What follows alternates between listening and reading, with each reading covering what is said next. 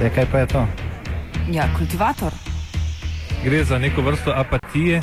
To lahko reče samo kreten, noben drug. Socialni invalid in ga je ne mogoče urejati. Drugi kandidat. Pa, pa pije, kadi, masturbira, vse kako se lahko počne. Nihče tega ne ve. Vsak petek v off programu skultiviramo dogodek tedna. Lahko po kriterijih radio študent, težko pa po evropskih kriterijih. Ampak na drug način, kot vi to mislite. Kultivator vedno užge. Da pač nekdo sploh omenja probleme, ki so in da pravzaprav sploh nekdo sproži dogajanje uh, v družbi. To drži, drži.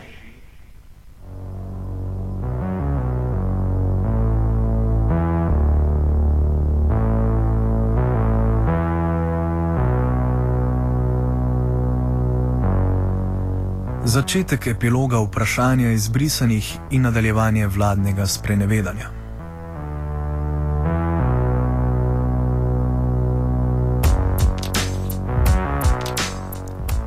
Drugostopenski veliki senat Evropskega sodišča za človekove pravice je v torek potrdil prvostopenski razsodbi iz leta 2006, da je Slovenija leta 1992 v primeru 11 izbrisanih iz registra stalnega prebivalstva Slovenije kršila več členov konvencije o človekovih pravicah. Veliki senat je potrdil, da je Slovenija v primeru Kuriča in ostalih kršila človekovo pravico do varstva zasebnega in družinskega življenja ter pravico do učinkovitega pravnega sredstva, ob tem pa dodatno ugotovili, da je Slovenija kršila tudi člen o prepovedi diskriminaciji.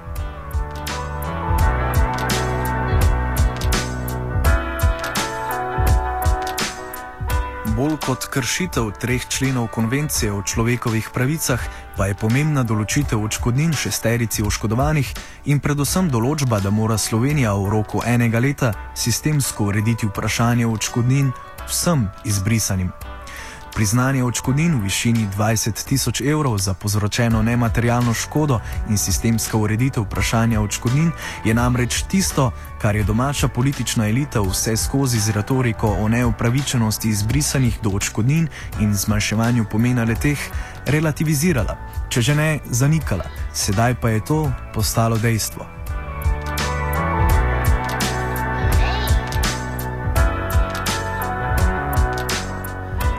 Razsodba Velikega senata Evropskega sodišča za človekove pravice je seveda olajšanje za izbrisane.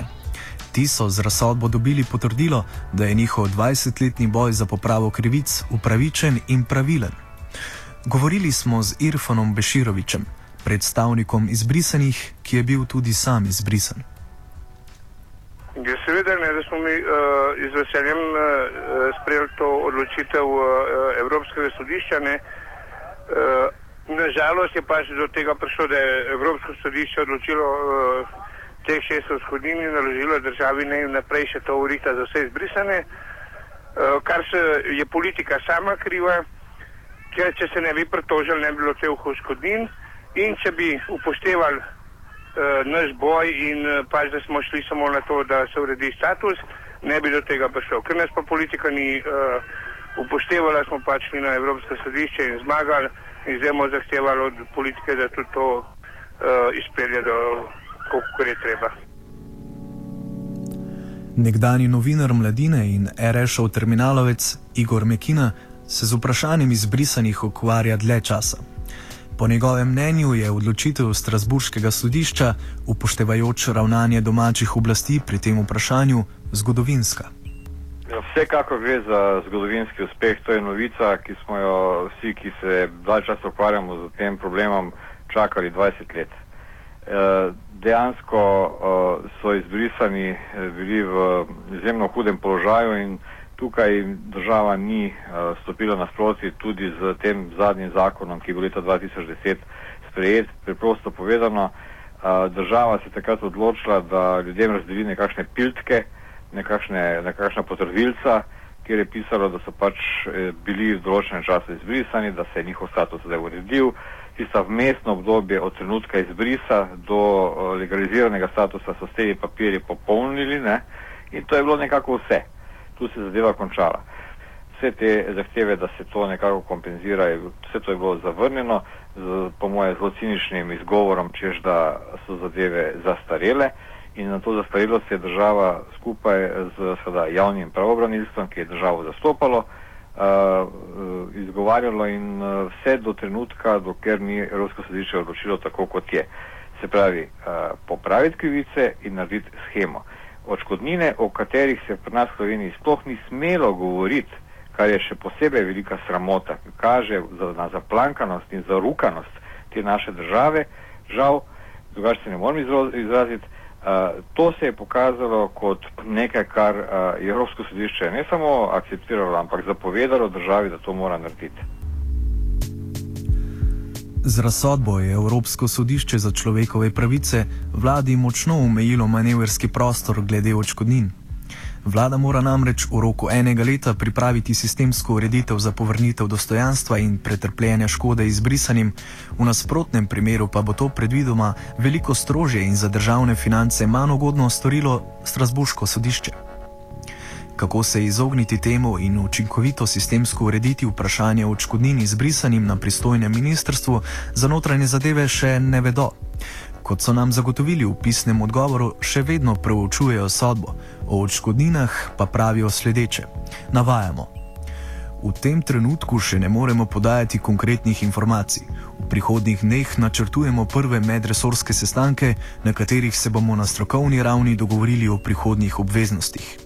Ko bodo izoblikovani prvi predlogi možnih rešitev, jih bomo predstavili javnosti.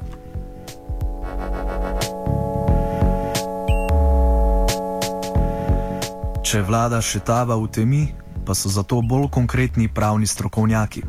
Sodelavka Mirovnega inštituta, ki je sodelovala pri zastopanju izbrisanih Neža Kogovšek Šalamon, pravi, da vlado čaka oblikovanje zakona, v katerem bo morala opredeliti oblikovanje in določanje odškodnin izbrisanim. No, zagotovo lahko govorimo o nekem zakonu, ki ga bo očitno morala pripraviti, neke vrste zakonu o popravi krivic. V njem bo mogla določiti uh, merila o tem, kako um, bodo odškodnine oziroma povračila ško, eh, ško, za različne vrste škod um, tudi povrnjena. Tukaj lahko upošteva zelo različne vidike, da nimo um, število dni ali pa število mesecev, ko so ljudje živeli brez statusa, različne vrste škod, ki so jim nastajale, da nimo na zdravstvenem področju, ker niso imeli zdravstvenega zavarovanja in se niso mogli zdraviti, um, potem na področju recimo izgubljenih priložnosti za šolanje, ker se niso mogli upisati v šolo, um, na področju recimo izgubljenega dohodka, ker niso mogli dostopati do nikakršnih socialnih pravic. Se pravi, vse te vidike bi bilo treba pri pripravi tega zakona upoštevati. Novinar Igor Mekina ob tem dodaja, da ima vlada z zakonom sama možnost regulirati višino odškodnin, da pa pri tem ne bi oportunistično špekulirala, bodo morali svojo vlogo odigrati tudi izbrisani in predvsem civilna družba. Te države imajo možnost tudi škodnine dejansko celo omejiti, da uh, obstajajo tudi členi, na kateri bi se lahko sklicevali in se tudi verjetno bodo ne, v prihodnosti, čež da se da zaradi interesov države in njenega obstoja in ohranjanja, ne vem, ni mogoče izplačati ne vem kakšnih enormnih škodnin v tem primeru, ker gre za masovom pojav in tako naprej. Uh, podobne zadeve so že v nekaterih drugih državah bile sprejete, se pravi zakon, ki omejuje uh, višino odškodnine maksimalno ali pa zakon, ki omejuje hkrati uh, tudi procent uh, škode, ki se lahko izplača konkretno žrtve vojne na Hrvaškem, lahko računajo recimo na samo 60 odstotno izplačilo odškodnin in tako naprej. To je vse mogoče urediti z nekim zakonom verjetno bo do tega prišlo in tukaj bo se morala tudi civilna družba organizirati sedaj in nekako nastopati uh, tudi kot zagovornik izbrisanih, da bi te njihove pravice bile vendarle uh, torej povrnjene in da bi bili, bila uh, zadovoljena uh, pravica. Poklicali smo tudi pravnika Rajka Pirnata iz Ljubljanske pravne fakultete, ki pa ni želel ugibati, na kakšen način bo vlada rešila vprašanje odškodnin. Eh, osrednje vprašanje je seveda, kako bo Slovenija izpolnila zavezo o tem, da mora vzpostaviti uh, sistem povrnitve teh škod. kjer pa nikakor ne bi jaz tvegal kakršnega koli razmišljanja o tem, kako bo to naredila. To je seveda odgovornost uh, vlade. Zdaj, um, nedvomno pa je, da to ne bo lahka naloga in da bo terjala seveda tisto, čemu se pravzaprav so se državne inštitucije precej izogibale, torej pogovarjanje s predstavniki izbrisanih. Bolj kot s vprašanjem sistemske rešitve očkodnin, se vlada v teh dneh ukvarja špekulacijami v višini očkodnin. Sešteva, množi in ugotavlja, da država za tak luksus nima denarja, pri tem pa uporablja cinične argumente. Najprej je to ugotovil gospodarski minister Radovan Žerjav, včeraj tudi premijer Janez Janša, potem ko je pri višini odškodnin prišel, prišel, prišel, se upravičujem, do zneska pol milijarde evrov. Torej, pristojne institucije to sodbo še preučujejo, lahko pa samo rečem, da Slovenija tega denarja nima, ne, nimamo niti denarja za nujne potrebe. E, ne vemo, kako bomo e, spravili skupaj proračunsko politiko za naslednji dve leti, tako da e, odgovora na to vprašanje enostavno nimamo. Govorjenje o konkretnih številkah je po mnenju pravnikov nerealno, kakor tudi strašenje o pogubno enormnih zneskih, pa čeprav je odvetnik enajstih izbrisanih pred Evropskim sodiščem v Štrasburu, Andreja Sakuči, pred dnevi dejal, da se bodo izbrisani v pogajanjih z vlado okoli sistemske povrnitve pretrpljene škode naslanjali na zadnjo razsodbo Štrasburskega sodnega organa. Neža Kogovšek Šalamon dodaja, da ni vse povezano z denarjem, pač pa so za poplačilo odškodnino tudi druge možnosti. No, o skupnih številkah v tem trenutku seveda zelo težko govorim. Predvsem se mi zdi pomembno, da uh, predstavniki oblasti in pa pritožniki ter predstavniki izbrisanih seveda sedejo skupaj in pogledajo, kakšne so potrebe in kakšne so možnosti in da pridejo do nekega dogovora. Namreč le, če bo vlada v tem postopku sodelovala in izvršila to odločbo, bo ohranila nek nadzor nad zadevo, torej neko kontrolo. V primeru, da ne bo želela sodelovati, bo seveda sodišče pristojilo odškodnine po svoji presoji in na te višine odškodnin potem vlada resnično ne bo imela nobenega vpliva. Je pa seveda zapovedati tudi to, da niso pomembne samo številke, ampak so pomembne tudi načini, kako se lahko še povrne krivice, lahko, torej povrne popravi krivice, ki so bile povzročene. Namreč to ni nujno treba narediti eh, samo za veliko denarja. To se da delati z zelo različnimi ukrepi.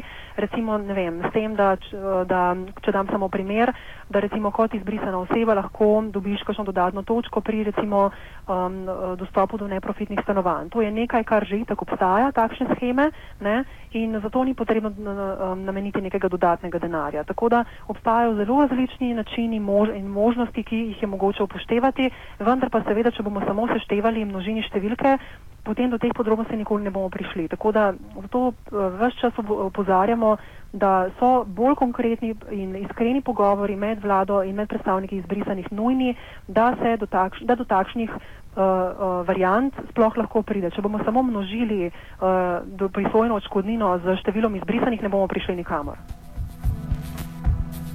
Po mnenju Igorja Mekine je govorjenje o tem, ali denar za odškodnine je ali ga ni, odveč. Gre za spoštovanje pravne države, v kateri je poplačilo utrpele škode, dejstvo in pravica. Odškodnine morajo biti ne?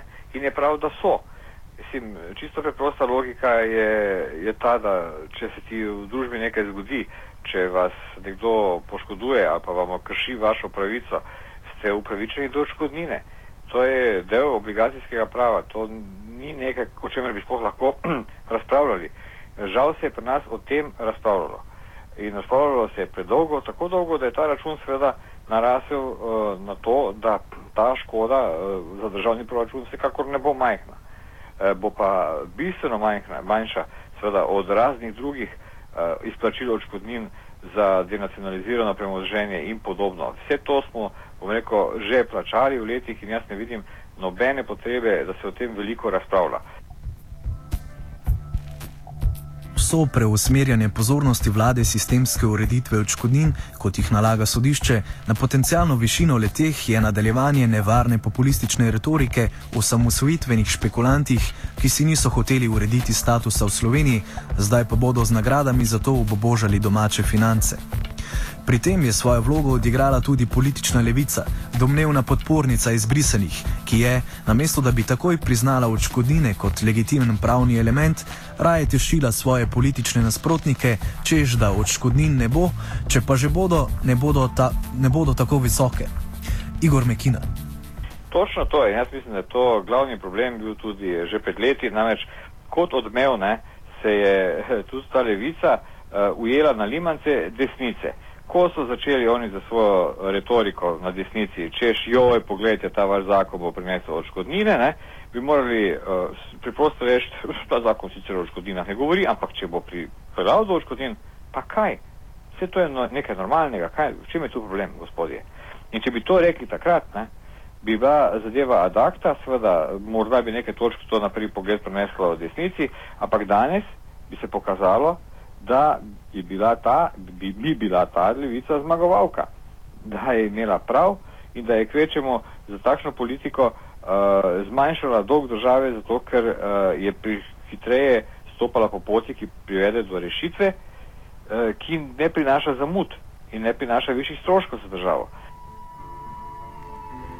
V letu dni, kolikor ga je dalo Evropsko sodišče za človekove pravice na voljo vladi, da sistemsko uredi vprašanje odškodnin, bo naloga izbrisanih, da skušajo z vlado doseči čim boljšo rešitev. Toda Irfan Beširevič pravi, da bodo izbrisani najprej počakali na prvo potezo vlade. Lejte, mi imamo noč silili eh, politiko, ker eh, že vidimo, kaj politika govori, da ni denarja, da nimajo še za nujne potrebe, pa to ne.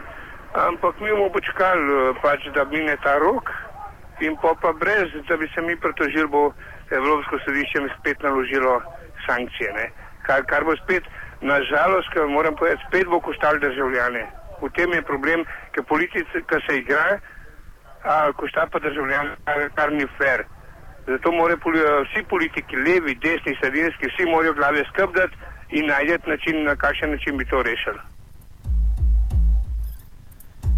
Od izbrisa 25.671 oseb iz registra stalnega prebivalstva Slovenije letos mineva 20 let, zato si Irfan Beširovič želi čim prejšnje rešitve.